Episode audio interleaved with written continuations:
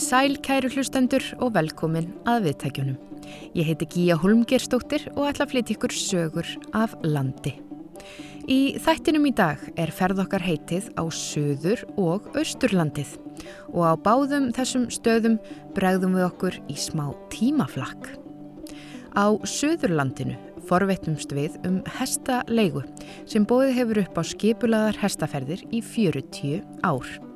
En við byrjum fyrir austan í Neskaupstað, þar sem við förum í ferðalag um nýja og gamla tíma.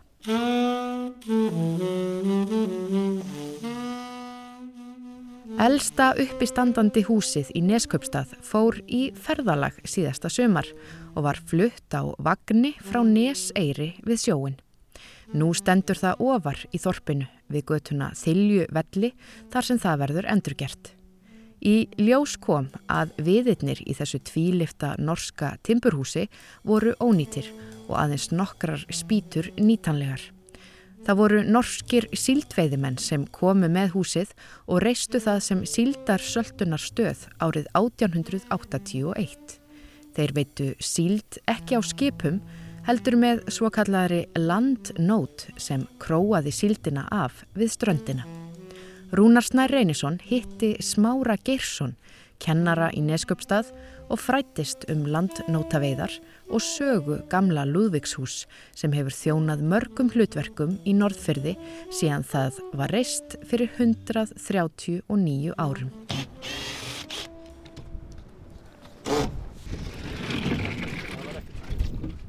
Jæja, þá skulum við fara inn. Ég heiti Smári Gesson og ég er reytari í stjórn félagskapar sem heitir Vínafélag Gamla Lúðvíkshúsins. Þetta er elsta húsið í Neskopstaða. Byggt 1881 inn á Neströnd, norsk síldveiðuhús. Norskir síldveiðumenn fóru mikinn á östfjörðum á þessum tíma og það voru síldveiðumenn frá Flekkefjóri í Norri sem komu og, og reistu þetta hús. Ég veit ekki hvort þetta hús var tilsniðið í upphafi. Mér skilst það til dæmis viðir í húsinu hafi ekki verið mertir eins og er yfirleitt í tilsniðnum húsum. En hér var uh, norskur maður sem hétt Úli Jakobsen Hansen sem var í forsvari fyrir þá síldveiði menn sem var notuðu húsið og þess vegna var þetta hús í upphafi alltaf kallað Hansens hús. Neskaupstæður, var hann til í einhverju mynd þarna 1881? Það er varlegt að segja það, en þarna er svona þorpsmyndun, má segja, á frumstígi. En starrindin er hins vegar svo að þetta hús var ekki mikið notað af þessu norsku síldveðumennum. Ástæðan er einföld, Norrfjörður hendaði ekki mjög vel til landnóta veiða og síld.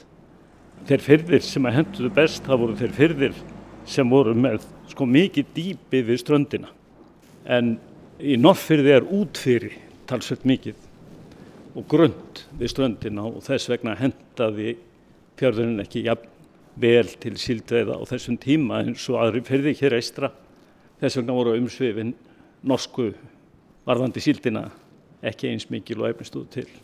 Getur þú líst fyrir okkur þessum landnóta veiðum? Hvernig fóru það fram? Þetta er svolítið framandi fyrir okkur. Þetta eru auðvitað allmiklar nætur sem voru notaðar. Fyrst er nót kastað úr árabátum og nóta endarnir eru tengdir landi. E, þetta er bara í boga út frá ströndinni og síldin gekk oft alveg reynd upp í fjöruborð og það var auðvelt að loka hana svona inni. Síðan var kastað svo nefndum lás sem var sterk, nót, stór og síldin var gemd í lásnum.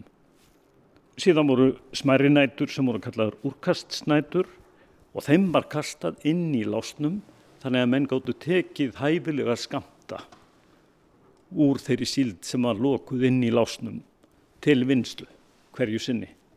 En þetta var auðvitað allt unna viðtækni og á þessum tíma gekk síldin inn í pyrðina í ríkum mæli og norðmenn voru gjör kunnir þessari veiðitekni og þekktu þetta í grundvallar atriðum og gátuð þess vegna synd þessu hér rétt eins og þeir hefðu gert heima hjá sér.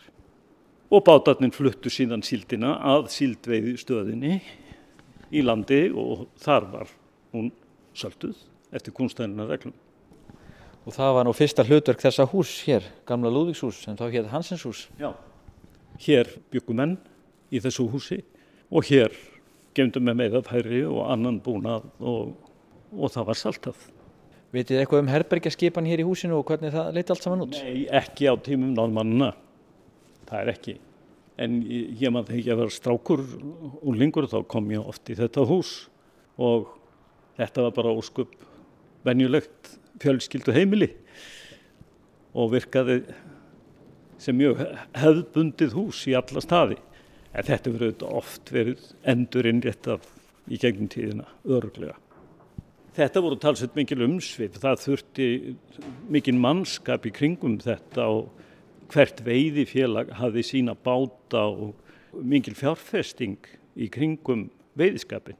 Menn notuð báta, ára báta í tengslu við veiðarnar en svo sildu skip á milli Norregs og Íslands, seglskip og reynda guðuskip á þessum tíma og, og, og þetta voru gríðarleg umsvið á meðan áður stóð. Og hvert fór svo þessi síld sem var sölduð hér á Íslandi? Já, hún fór til Noregs og hvað hún var seld þaðan veit ég nú ekki. Það voru auðvitað sterkir síldamarkaðir út um alla Evrópu sko. En hvað vitum við um lífið í þessari atvinnugrein á þessum tíma? Er, eru til einhverjar almenlegar heimildir um, um, um þetta? Það eru til talsverðar heimildir auðvitað of litlar eins og í flestum tilvíkum en það hefur allmikið verið um þetta skrifað og uh, skrifa meðal annars um, um veiðarnar hér á Íslandi alveg, alveg sérstaklega norsku sakfræðingur, kona sem hitt Kari Setil í Hóland sem að varð svona sérfræðingur í þessari sögu má segja og kom hér oft og þekkti hér staðhætti í smáatriðum. Staðrindi var hins vegar svo að á þessum tíma var ekki mikið um frásagnir af því hvernig þetta gekk allt saman fyrir sig en það byrtust fréttir í norskum blöðum meðan sem heiði árangur og ef eitthvað sérstatt kom upp á og síðan byggðum enn auðvitað á gognum þessari síldveiði félaga varðandi abla og, og annað þvíunleik og svo eru mikilvægur heimildir sendibrjöf sem fór á milli landa. Þegar þetta er allt saman tekið saman þá fáminn svona sæmilega glögga mynda þessari sögu. Síldveðarnar, það er erfitt að trista á þær eins og við þekkjum í sögunni og það kom að því að norðmennir hurfu á braut og 1885 þá kaupir Sveit Sigfússon fyrsti kaupmaðurinn hér á Nesi þetta hús og flytur það út á Neseyri. Eftir það er það kallað Sveinshús lengi og í þessu húsi er sem sagt fyrsta kampbúðin hér á Nesi í Norrfjörðu var hér í framenda húsins og þess vegna verður að segjast að saga þessa hús er sam ofinn sögu þessa beigðalags alveg frá upphafi, það má segja það. Síðan gerist það 1894 að presturinn og skorrastaf, sér að Jón Guðmundsson, hann kaupir húsið og sér stað í þessu húsi. Þannig að þetta er fyrsti prestsbústaðurinn hér á Nesi. Hann var jáfnframt uh, póstmeistari hér á þessum slóðum, þannig að þetta er fyrsta pósthúsið og svo má lengi telja. Nú Jón Guðmundsson Hann uh, hugsaði mikið um útgerð og fiskverkun og var umbóðsmaður breska fiskuppmannsins Pike Ward hér og taldi þó þægilegt að búa einn og skorrastað hinnu forna pressetri og vildi komast nær um sögunum við sjóinn og keipti þess vegna þetta hús og setti stað í því. Um aldamótin þá reysir presturinn sér nýtt hús og selur þetta hús Lúðvík Sigursinni sem var kaupmaður og útgerðamaður og skósmiður hér á Nesi. Þá er ferð að kalla húsið Lúðvíkshús. Síðan reysir Lúðvík Sigursson sér nýtt hús 1912 og þá færist nafnið Lúðvíkshús yfir á það en þá halda mér áfram að kenna þetta hús við Lúðvík og kalla það gamla Lúðvíkshús. Þannig að þá er húsið búið að heita Hansenshús, Sveinshús, Lúðvíkshús og þá gamla Lúðvíkshús. Húsið líka.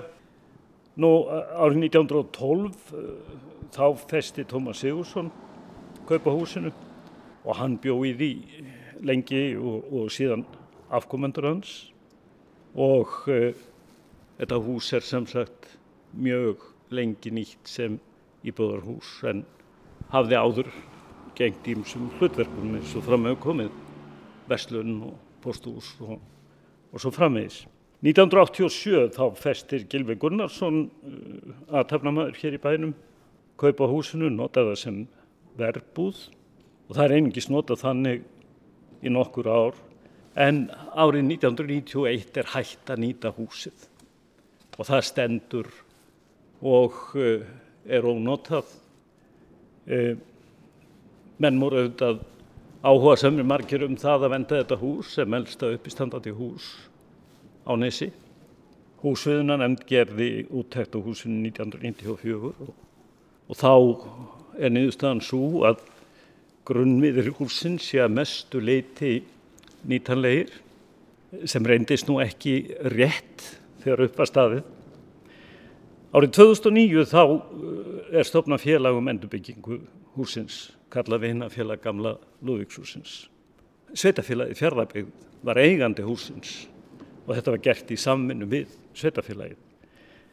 Félagi fyrir stað og reynir að abla fjármaks til endurbyggingar á húsinu og það fengust góðir styrkir frá samvinnufélagi útgerðamanna í Neskupstad til dæmis og 2014 fegst myndarlegur ríkistyrkur og síðan viðbúta styrkir eftir það. Og undibúningur að endurbyggingunni er hafinn í samvinnu við minnjastofnun. Það er tekinn ákvöðunum að flytja húsið frá Neseyri þar sem það hafði staðið frá 1885 hingað upp að þyljuvöllum og húsið er flutt 2019 og byrjað að vinna í því.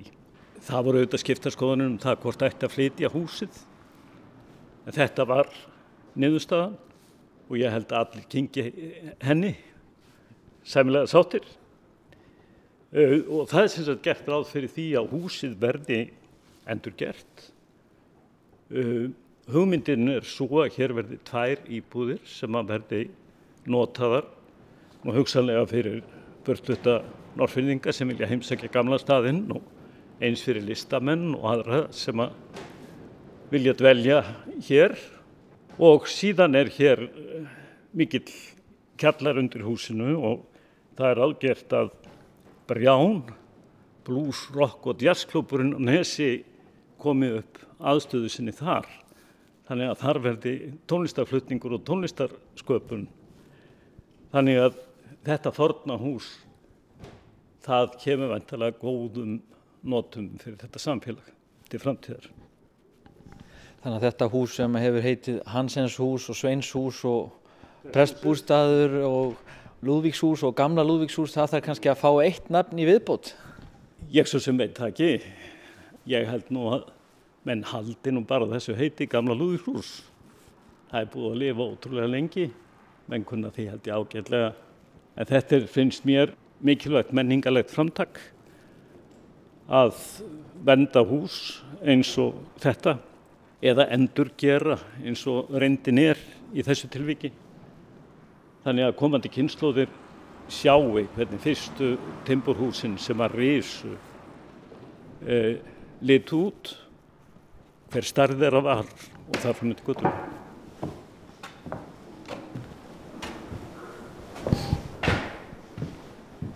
Manni finnst þetta nú bara að vera bara nýtt timbur? Já, þetta er endurgerð, má segja. Húsið er endurgerð. Sjáuð einhverjar upprunlega spýtur hérna inni? Já, það eru einhverjar Það eru ekki margar. Það eru svona aðeins dekkra á litin? Jú, jú. Það eru sáraðs háar. Í grunninn eru menna endur gera húsið. Með nákvæmlega sama hætti og það var byggt í upphafi. Og söguleg gildið þess fælst í því. Þetta er náttúrulega algjörlega rátt á þinnan. Þetta er bara einn stór timbur geimur hérna. Uh, menninu finnst við að búnir með þakið, timbur þak, síðan verður haldið áfram stig af stígi og það mun taka nokkuð tíma að, að endurgera húsið og menn bara taka þann tíma sem þarf. Hvaða gildi hefur það fyrir Þorp eins og Neskjöpstað að eiga svona hús uppgert og í nótkunn? Ég held að það skiptir miklu máli fyrir komandi kynnslóðir að menn sjáu hvernig fyrstu timburhúsin sem reysu hér í þessum fyrri litu út og af hvaða stærð þau voru. Það er lærdomsrikt og, og afskaplega mikilvægt að mínum mati að menn leggja rætt við sögur sína. Ég held að menn skilji nútíman miklu, miklu betur ef menn þekkja söguna, ef menn þekkja fortíðina. Það er nefnilega þannig í þessu lífi að eitt leiðir af öðru. Og ég held að það sé ómetanlegt að halda upp á gömul hús og gömul mannvirki og leggja rægt við þau. Þau segja okkur margt. Smári Gersson, þakkaði kella fyrir spjallið. Þetta var í gamla Lúðvíkshúsi sem nú er komið á nýja lóð í Nesköpstað. Rúnar Snær Reynisson rætti við Smára Gersson. En við ætlum að halda okkur á þessum slóðum og heyrum næst upptöku úr sapni Ríkisútvarsins úr þættinum um fiskin í umsjón Stefáns Jónssonar. Stefán var á ferð í Norðfyrði sömarið 1960 og rætti þar við sjómenn og starfsfólk í fiskisölu og fiskvinnslu. Við gefum Stefáni orðið. Á austfjörðum munu flestar trillur vera gerðar út frá Norðfyrði og aflað mest þar á sumrum. Við heimsóttum trillumenn þar estra fyrir skemstu.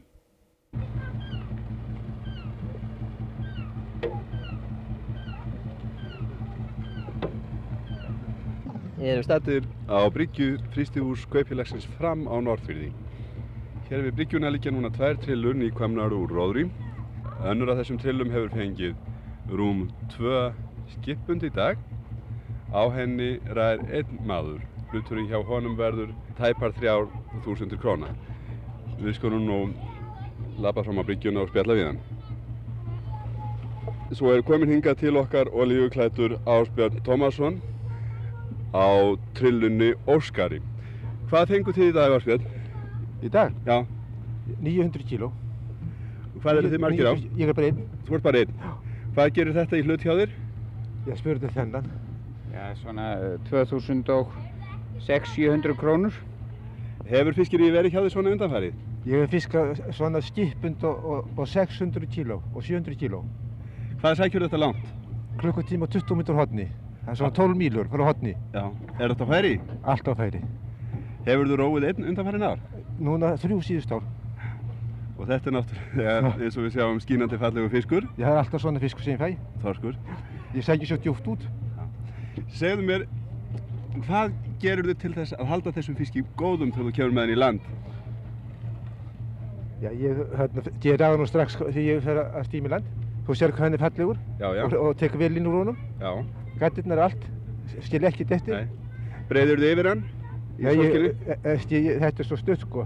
Ég skvetti sjó yfir hann þegar ég er búinn að gera það. Að halda honum blöytum. Já, skvetti sjó yfir Já. hann. Ég breiði ekki yfir hann. Segðu mér, er trillan máluðina hjá þér? Já, já. Hún er máluð innan. Öll sem er máluð. Og Bæði ein, lúkar og, og lesti. Og engin, loftu það. engin hætt á slævatninu í henni hjá þér, Nei. minnar. Óskar, hann er 55 ára gammal. Já. Er Óskar 55 ára gammal? Báturinn? Já. Já. En, en hann hefur verið gerður upp, er það ekki? Jú. Ég smíði henni fyrir 6 árum. Hvað ert þú búinn að eiga lengi? Ég er búinn að hafa 20 ár. Minnst að kosti það. En ekki hefur þú róið á Óskar í 20 ár? Ég hef alltaf róað um á sumrin. Á sumri, já. Síðan eignast. Já. Er þetta með betri sumrum hjá þér núna? Já, það er sæmilegt, hefur verið sæmilegt núna í vor. Róið þið margir einir á hérna á Norðfyrði? Það er róa nokkru hérna einir. Það er, það er nú ekki margir. Já, það er á opnið trölunum. Svo stendur hérna hjá okkur á bryggjunni Sofhus Gjöguró Jú, jú. sem að frægur varð á sínum tíma meðal annars í útvarpi fyrir siglingu sína Já. á trillu til Noregs. Ertu, Já. búsett, ertu búsettur hérna á Já, já. núna? Rær, já. rærðu hérna á trillu núna? Nei, lítið við það verið ennþá. Minnir mig það rétt að þú hefði svo lagt upp í aðra sjóferð á trillunniðinni, langa. Og það getur hugsast, já. Hvert fórstu þá? Já, ég fóð nú til færi svona 34 sinni. Einu þrís af fjórum sinnum. Já, held ég. Segðu mér, var það rétt að Vikman verksmiðutnar í Noregi hefðu gefið þér vel í trilluna eftir þú fórst fyrirferðina? Nei, það gótt það ekki, þetta var rappvél sem var í henni, svo það gæti ekki verið. En, en var það rapp sem gæði vel? það var. Já. Eh, En þú ert búinn að vera búsettur hér á landi lengi er það ekki, Sófus? Jú, svona 46 ár. Fyrst í Grímsey? Nei, nei. Hérna fyrst. Hérna fyrst? Já, já. Og síðan? Ég var fyrir norðan svona 10 ár. Á Húsavík. 12 ár, já. Já. Það var Húsavík. Grimsæ og svo þarna. Og telur þið ekki orðið meira Íslanding þá núna heldur um færiðing? Ég veit það. Við skulum nú segja það, já. Svo stendur hérna hjá okkur Halldór Einarsson, mjófyrðingur að uppruna en búinn að róa mjög lengi með línu frá Norðfyrði. Rærð þú hérna með línu í sumar, Halldór? Já, já. Ég hef búinn að vera á sjó síðan ég var nýja ára gammal. Ég- er 52, ég hef ekki verið eitt einasta sömur í landi sem ég var nýja ára. Ekkert einasta. Hvað er þinn bátur stór, Halldór? Hann er 5 tonn. Er hann opinn? Nei, dekkaður. Er, veistu hvort að menn hér gera sérstakar aðstafinni til þess að, að vernda fiskinn fyrir sól? Við gerum það nú ef við sterk sólskina þá breyðum við nú ef við stakka sko og dekkinu höfum búin að gera sta- stakka og seglu og svo leiðis. Við Já. höfum nú alltaf gert það. Eða ég hef alltaf gert það. En ég veit ekki hvernig það er honum, hvort það er breiði yfir. Ég hugsa það nú og ég geri það nú. Ég að sterk sólskina sko. En passiði fiskinn vel fyrir eh, slagvatninu, fyrir fúablettunum á Já, bátunum? já, já. Ég gerir það minnskosti því að lestin hjá, hjá okkur hún var alveg sérstaklega góð sko. Hún var fernisjöruð, maður sem átti bátinn að fernisjöru alltaf lestina í mörg ár. Já, En svo máluðum við hana, þrý máluðum hana sko, í vor. já. Svo hún er bara alveg eins og Þannig að fiskur snertir aldrei blött tré hjá Aldrei no- í, í lestinni. kemur ekki fyrir, kemur Nei. ekki fyrir. Það er alltaf að lesta mig hérna á ferðinni sko, alltaf stuðt að koma að lesta mig og skoða lestarnir í bátunum. Og hann sagði með lestamæður sem var um daginn að hann sagði að vera ágæta lestar hérna yfirleitt í bátum á Norrfriði. Svo er hérna Benedikt Svensson. Þú selur fisk hérna í landi, er það Jú. ekki? Eh, Nýjan, Bæði nýjan og saltaðan og vesinn, já. Þú ert sem sagt með fiskbúð fyrir Norrfyrðinga, já, fyrir kaufélagið. fyrir kaupfélagið. Já. Og þið hafið náttúrulega alltaf nóg af nýjum og góðum fiski hérna. Oftast nær er það. Þó koma fyrir kaplar sem það er ekki hægt að hafa nýtt. Þá hefur maður bara þeg Heilfrista ísu og svo liðis. en þegar þú ert nú með nýjan fisk, velur þú þá úr aflanum hjá bátunum til söluhandafólki hér í landi? Já, Þú gerir það. já. Og þú myndir alls ekki taka fiskinn upp til hópa eins og hann kemur í land. Það er ekki hægt að selja hann svo liðis. Hvorki, hvorki stór ísu eða, eða stóran þorsk. Það er ekki keift. Nei. Og náttúrulega þú tekur ekki fo- nema fyrsta flokks fisk. Nei, ég reyni það. Tek svona miðlungs ísu og, og svona smærri steinbít. Myndir þú nokkuð tíma taka til sölu í búðuna hjá þér þorsk, færa þorsk sem að sól hefði skinnið á um daginn og væri orðin þurra orðaðið Nei, það væri leiðilegt að selja svolítið fisk. og þú myndir tellið það mikla skemmd á hann. Já, það myndi ég gera því að það hefur stundum komið fyrir að uh, hann hefur legið hérna aðeins augna blik bara og þegar maður ætlar að ráðrífa svolítið fisk þá er hann bara steiktur. Þá er hann steiktur. En hvað segir mér þá um fisk úr kös í opinni trillu sem að staðið er í? Er staðið er í kösinni við færadráttin. Skemmist hann ekki mikið þá? Jú, jú, hann skemmist. Nei. mikið af steinbít hérna? Að við ræðum mikið núna í vor, já. Sérst mikið af kóla? Nei, hann þykir magur. Er ekki magur. Já. En smálúðan? Hún selst aftur sæmilega. Þykir ekki góð. En þykir ekki góð. Nei. Miklu Svona, hel- ja, svona 15 kílóa lúður, þær þykja góðar. en ekki undir því. Jú, og það sé nú aðeins smærri, en til dæmis svona kílós lúður, þær þykja leiðinlegar. Svo er statur hérna hjá okkur Sigurður Jónsson, elsti starfandi sjómaður á Norrfyrði, skipstjóri um árabil, síðar tóra sjómaður og nú aftur skipstjóri á Norrfyrði. Á hvaða bát ertu núna Sigurður? Smárið, gera? Ertu á línu hérna núna? Já, ég er á línu. Manst þú eftir því þegar að byrja að vera fiska í, gull, í gullkistunni? Já, ég man eitt því. Þar ég held að hefði verið 1912. Og hver var það sem fann gullkistuna Sigurður? Jakob Jakobsson, Jakob Jakobsson skipstjóri, strönd. Og fiskið það þar enn? Nei, það er orðið lítið nú, mjög lítið og mjög lítið reynd. Bátar eiginlega lítið farnir að stunda hér á haustu finnst mér, solíðsróðra og, og þeir bátar sem hafa stunda verðist mér hafa sótt meira grunn með. Hefur verið gott fiskir í hérna núna þar sem hafið sumri? Sigurður? Nei, það er lít, mjög lítið, álítið á línu, mjög lítið og ég álítið þessi beitu vegna, beitun ekki hana. Hvað róðið með langa línu? Ég róið með 16 stampa. Æ, nú ert þú búin að fiska svona lengi. Finnst þér vera munur á meðferðinni á fiskinum um borði í bátunum núna eða þegar þú ert að byrja að róa, Sigurður? Ég, ég, veit ekki hvað að segja um það, jú, mér finnst það ekki eins góð með ferðavonum eins og var. Þegar þú stendur í óðum fiski og er komin kös á dekkið, eh, hugsar þú þá út í það að þetta sé matur sem þú ert með á dekkinu, matfara? Já, ég veit nú ekki hvað ég var að svara til um það, jú, maður hugsa náttúrulega allt út í það að þessi matfæra. En það, ég hugsa að það verður nú fyrir flestum til dæmis þegar að mikið ber stað og, og, og, og óður fiskur er. Ég tala nú ekki um til dæmis eru á færum, að þá hugsa nú flestur um að ná við fiskinn en ekki peinleinis hvort þessi matfæra. En það er, en það, en við blókum fiskinn, höfum blókan og stundtíma um leið og fiskunni kemur inn blókum bara setjum færi fast á meðan við erum að blóka fiskin sko. Því fiskurinn náttúrulega það er eðilegjum fiskum og líkur lengi óblókaður. Eða það verðist mér muni vera. Og verjið hann fyrir sól? Já það getur við ekki náttúrulega láta hann les sko. Nei. Þegar hann láta hann les þá, þá náttúrulega vestan fyrir sól. Það er svo miklu leiti sem hægt er sko. Eða héttin náttúrulega minni þar heldur á dekkinu. Við erum stættir í fiskvinnslustöð Zoom, samfunni félags útgerðarmanna í Neskaupstað. Hjá okkur er Þórarinn Sveinsson verkstjóri þessar fristihúsins. Segðu mér Þórarinn, er ekki bísna mikill munur á fiskinu sem þið eruð að vinna núna og netafiskinum í vetur? Jú, það er geysilega mikill munur á alls og línufiski og netafiski Já. og færafiski. Er þetta miklu betri fiskur sem þið eruð með núna? Þetta er langt en betri fiskur, já. En uh, þessi fiskur sem við fengum úr nettunum frá Langanisinn í vetur, hann var geysilega góður. Ekki sko. Og það var einn bátur sem stundaði það og gerði ekki að fiskinum, heldur blóðgaðan og ísaði niður og uh, gerði þetta jafnóðum. Og kom svo þegar hann kom hingað þá var elsti fiskur í þryggja daga gammal. Og það var engin mönur hægt að sjá á honum og uh, línufiski ef leitt. Eða gemdist hann svona vel? Já, hann var mjög hvítur og fallegur og ekkert hægt að finna að honum. Heldur það að hann hafi batnað við ísinguna? Beininis?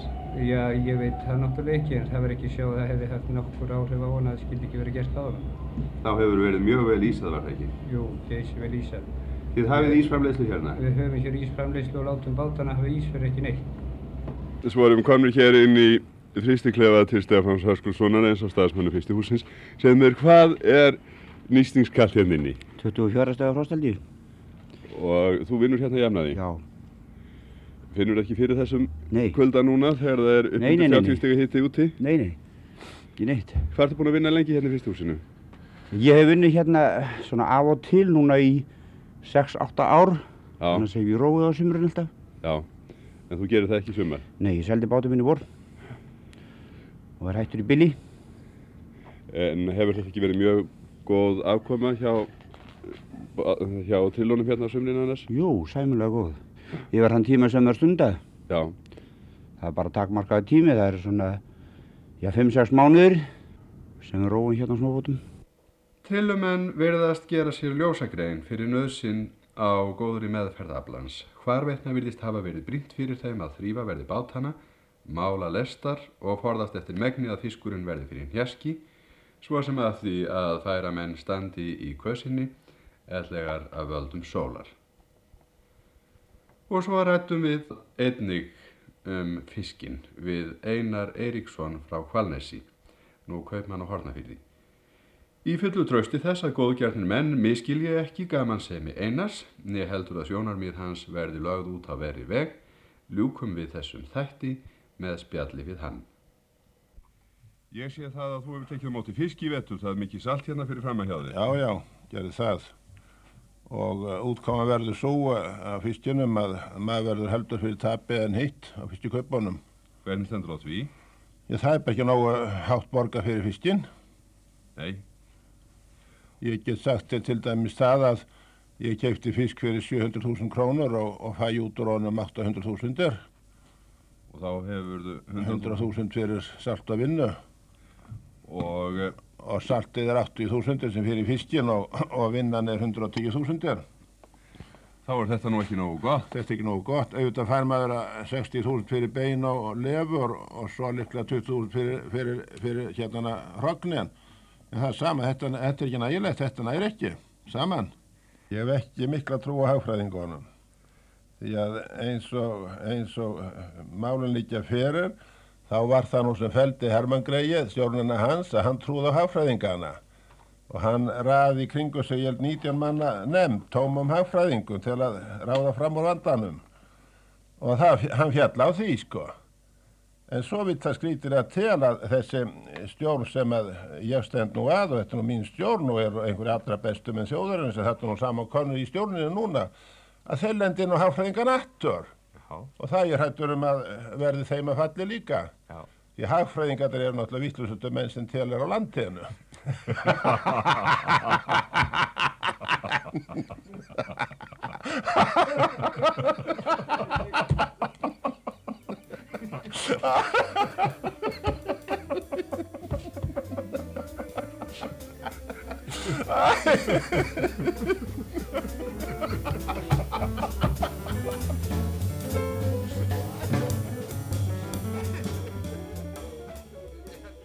Þarna fórum við í ferðalag aftur í tíman, aftur til sömarsins 1960 í fyllt með Stefáni Jónssoni. Hann rætti við sjómenn og starfsfólk í fiskisölu og fiskvinnslu.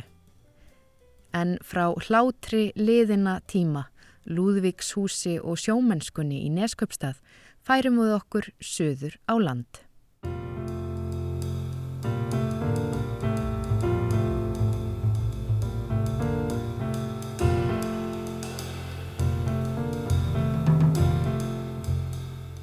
Anita Ólöf Jónsdóttir er ferðaþjónustubóndi á Austvaðsholti í landsveit, mitt á milli Heklu og Hellu.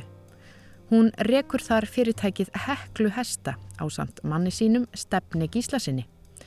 Heklu Hestar var stopnað af foreldrum Anitu og hefur búið upp á skipulagðar hestaferðir í 40 ár. Úla Árdal fréttamaður ringdi í Anitu og forvitnaðist um sögu fjölskyldufyrirtækisins og komandi tíma. Við erum með kindur og hesta og, og svo heimilistýrin og hund, íslenskan fjárhund og, og kött og, og íslenskar landnámshænur. Hvað er þetta stórt bú? Þetta er nú bara svona freka lítið bú. Við erum með 160 rúmar kindur og hérna ég er svona eins og fleiri bændu kannski kann ekki alveg að telja búfjörna einsinn en hérna og svo erum við með svona cirka 90 hesta. En heklu hestar, hvernig, hvernig byrjaði þetta allt? Já, þetta er svolítið skemmtileg saga. Afi og amma keftu jörðina svona um 1966-67 eitthvað svo leiðis og, og bræð, eða sagt, pappi og, og bræður hans fluttu þá með þeim hingað í landsveitina. Og pappi og, og bróðir hans Helgi fóru strax með þeim í búskapin og, og þeir tóku svo við og voru með kúabúskap og sögfjögbúskap þannig um 1972 og svo kemur mamma til landsins að því að hún er frá Fraklandi og ræður sig sem svona uh, í, í sveit til frænda míns og svo veikist hann og, og pappi fyrir að hjálpa á sveitabænum hans sem er stættur í landegunum og, og hann býður henni í, í romantískan reyðtur henni í landsveitinni og hún alltaf heitlast bæða stað og manni Mm -hmm. og hérna og hún fer svona með þeim inn í búskapin, kúabúskapin en og svo var það hérna 1980 að það gengur svona hálf brösulega, þau eru í heiskap og það rignir og, og hérna endalösa rigningar þannig að hegin eðilegjast og það var svona Ísland ekki upp á sitt besta þannig að mamma var orðin frekar svona var svona að spyrja sér spurninga hvort að þetta veri virkilega landi sem hann ætlaði að búa til framtíðar. Þannig að pappi svona ákvaða hvort að það ætti ekki bara að drífa sig og hérna kúpla sig frá öllu og, og drífa sig upp á hálendi á hestbæki og fóruðu afstað bara þau tvö með trúshesta hesta sem voru með farangur, farangur þeirra og, og mat. Fóru þannig nokkra daga á fjallabak og voru hérna, í kringum landmannalögar og landmannahelli og ferðiðust um þetta svæði. En svo gerist það það fælist einn trúshesturinn. Þannig að það eiðilegst maturinn og, og hérna, þannig að þau þurfa að fara degi fyrir heim. Og þá hérna og svo stuttu setna þá gís hekla. Þetta var í ágúst 1980. Eldgós hófst í heklu klukkan 13.25 í dag. Óhætt er að segja að það hafi komið sem þrjum ár heiðskýru lofti að hraunstrókar stóðu allt í henn upp úr sprungu á suðvestur öll fjálsins því að ekkert hafi bent til að gós væri vændum. Aðeins tíu ár eru síðan heklagaus síðast. Þar á undan höfðu liði 23 ár frá gósi sem kom eftir 102 ára hlið. Heklugósið 1970 kom verulega óvart en þetta gós ekki síður. Ég veit ekki til þess að nokkur merkju um gósið hafi sést áður en það hófst. Eh, það voru engir járskjáltar og eh, við höfum engar sérstakar mælingar á þessum slóðum en það var eh, alls ekki búist við gósið svona snemma eftir síðasta gós. Er það óvænulegt að uh, þetta ger ekki bóða undan sér? Ég uh, veit raunar ekki hvort að Heklugós gera nokkuð tíma bóða undan sér þannig að um, augljós sé. Það hefur ekki verið í síðustu tveimur Heklugósum. Mökkurinn sem steig upp úr fjallinu í gósbyrjun magnaðist svo ört að hann komast á örfáum mínútum upp í margra kílómetra hæð.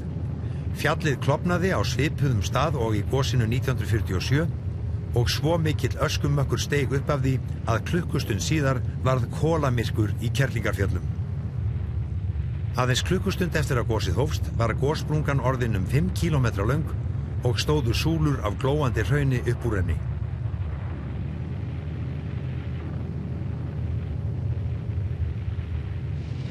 Sérstæðast við gósi í dag voru mikla sprengingar í fjallinu. Í þeim mynduðust svo nefnd helskí sem ekki hafa sérst hér á landi áður.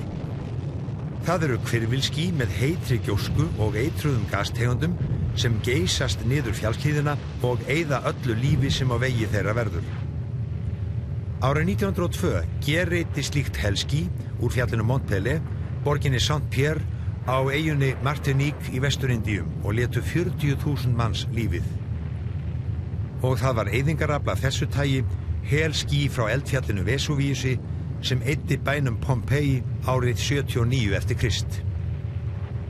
Nokkur erlendir ferðarmenn sem voru á ferli við Heklu lendu í lífshættu þegar gjalli og hraunmólum ringdi yfir þá.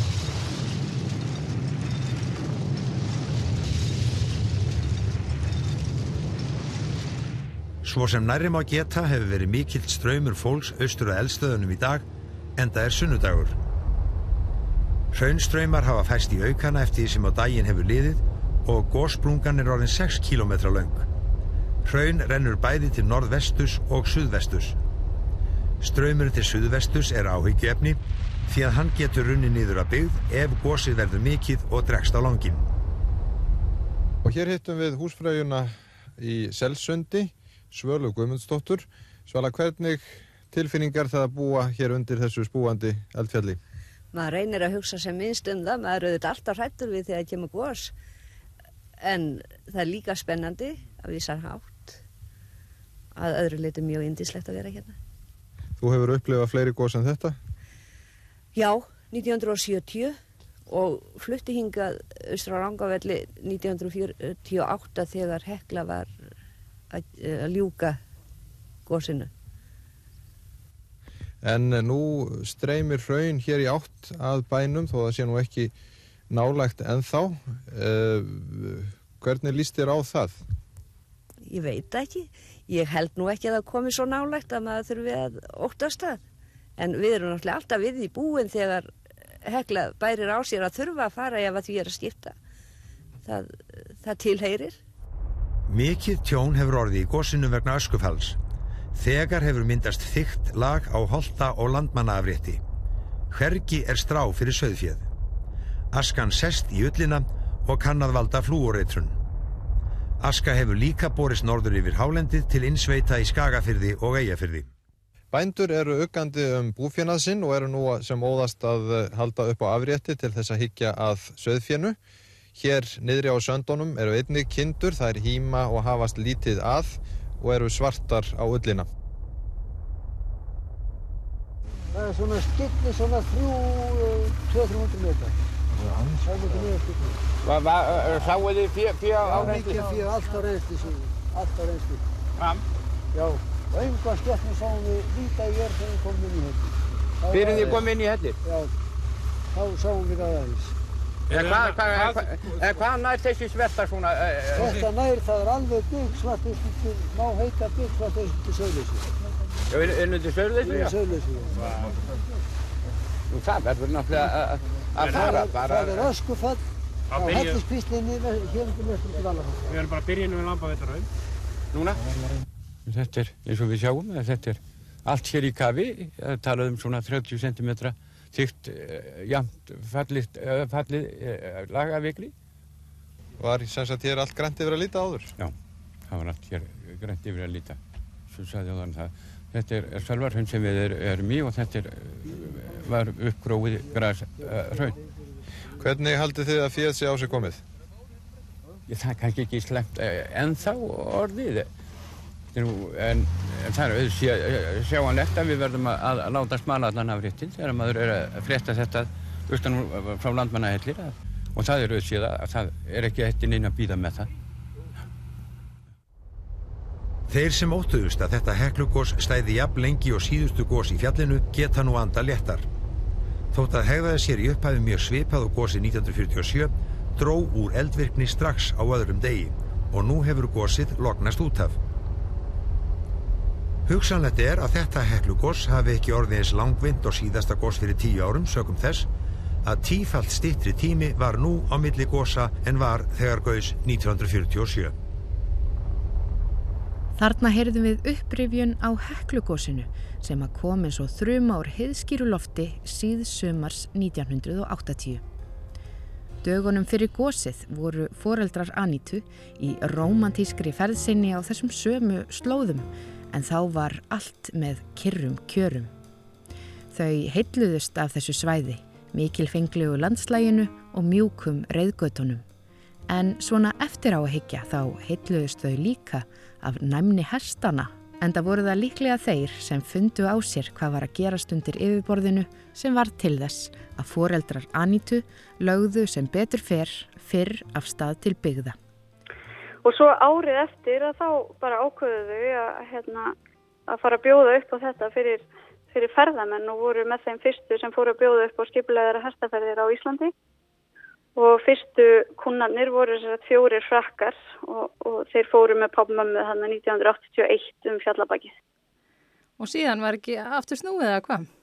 Nei, svo er ekki, svo hefur þetta bara haldið áfram síðan þá. Og hérna, ég og maðurinn minn tókum við þessu fyrir nokkrum árum og ég hef náttúrulega verið í þessu með þeim bara frá því ég var smákrakki og ég hef alltaf heitlast af bæði að því að vera upp á fjöllum og, og vera í kringum hestana.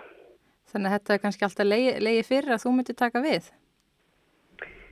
Já, ég ætla hann að gæti ekki eh, hugsa mér, ég hef alveg áhuga á mörgu og, og, hérna, og lærði en með bíðis í náttúru umhverfisvæði og, og tók svo kennaran og, en ég gæti aldrei hugsa mér að, að, hérna, að sveitabærin færi úr fjölskyldinni og, og hérna, mann þykir náttúrulega svo vænt um staðinn og, líka ég gæti ekki hugsa mér að, að fella kindurnar og, að hestarnir færi eitthvað annað. Það tengist þeim bara svo sterkum böndum á sumrin í, í júni, júli og ágúst eru við með 6 og 8 dagar svona hálendisferðir þar sem hérna við um, förum úr einum fjallaskála í annan Mm -hmm.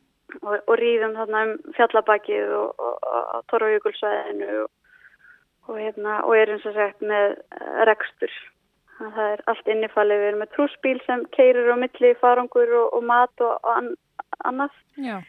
og hérna og svo með herta og, og allir hertanir sem við erum með, eða langt flestir eru hertar sem við höfum ræktað sjálf og, og hérna og við temjum þá svo og hérna svo vinnum við með þeim bara út lífið, þannig að þetta er svolítið skemmtilegt að því að afi var náttúrulega með herta og, svo held pappi áfram með þá og, og svo eru við að halda áfram með næstu kynsluður þannig að þetta er svona kynslu fram að kynslu bæði á fólki og, og herstum. Þannig að þetta er líka á kannski eina af ykkar sérstöðum eða hvað? Já, ég held það að, hérna, að þetta er svona við höfum verið að að rækta hestana svona sérstaklega fyrir hestaferðinar í, í þetta mörg ár og, og hérna og svona það myndast náttúrulega einstakt samband og, og, og það er líka svo skemmtilegt sko að þegar við erum á í hestaferðunum og þá þurfum við miklu færri rekstra menn sko því að hestarnir kunna þetta bara alveg vel og við. Þannig að eitt tíðan bilaði frúspílinn og við vorum á mælifælsandi og, og hérna og það er náttúrulega ekki girðingar eða, eða græs stingandi strá hérna á sandinum og trúspílinn bilaði og átti að vera komin í fyrirstöðu og setja hestana í, í girðingu og Svo voru hestarnir komnir á, á venjulega staðin sinn þar sem þeir áttu að stoppa og engi bíl og ekki tegi og ekki neitt og þeir stoppuðu samt og, og byðu bara og, og svo girtuðu bara kringu það þegar trúspillin loksins kom. Já, það hefur verið fínt. Já, þannig að þeir auðvelda alla vinnu svo mikið og þetta gefur manni svo mikið og eldri hestarnir kenna þessum yngri og og þetta er, er svo gefandi að sjá og líka bara hvað þeir hafa gaman að þess að ferðast svona saman upp á, upp á fjöllum og það er svo mikið leikur í þeim og svona gefur okkur mikla gleði líka. En er þetta aðalega erlendir ferðarmenn sem koma til ykkar? Já, það hafa, þetta hafa aðalega verið erlendir ferðarmenn sem hafa komið til okkar og, og hérna það var svona einstakar sinnum höfðu tekið á móti Íslandingum og, og það er alltaf jafn gaman að, að hérna, taka á móti svona samlöndum og og kynna það fyrir þessu svæði og, og svona. Hvernig þá staðan hjá ykkur fyrir sumarið? Var búið að bóka mikið? Og... Já, það var, allar ferðir í ágúst voru full bókaðar og, og hérna, júli var eitthvað aðeins minna búið að bóka og þetta náttúrulega brestur á svona þegar aðal bókunatímin á sér stað, þannig í mars. Já. Þannig að þá náttúrulega bara stoppaði allt og, og ferðarmenninni sem eru búinur að bóka mjög ágjöfullir hvort það er komist eða ekki og svona eru þetta munum alltaf þurfa að ábúka ef þeir ef, ef, svona, ef ástandi verður með söpum Mhm. úti og, og í dag Eru, eru þið áhugifull? Já, við erum það náttúrulega ef, ef ástandi batnar ekki með sumrinu þá, þá náttúrulega er okkar aðal tekjulinn dottin upp fyrir og, og svona það breytir svolítið stöðinni fyrir okkur Já. Eru þið einhvern veginn að bregðast við eða, eða, eða breyti ykkar plönum? Við ætlum að reyna að halda öllum hálendisferðunum í gangi en, en við erum svona núna að reyna að, miðla til Íslandinga og, og sjá hvort að, að þeir hefðu áhuga að koma með okkur í hestaferði þannig að ég er svona að reyna að markasetja ferðuna núna meira fyrir íslenska markaðin sem er náttúrulega nýtt maður hefur alltaf verið svona meira að fókusera á erlendamarkaðin.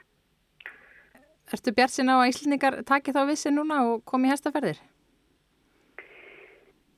Ég vona það, ég, það væri náttúrulega algjör draumur og, og hérna og er við rosalega skemmtilegt og, og bara frábært og fyrir okkur að, að taka mútið Íslandingum en, en hérna uh, og einstaktt tækifæri fyrir okkur að ferðast með löndum okkar en, þannig að við bara leggjum von okkar við að einhverjir muni vilja ferðast með okkur í, í sumar.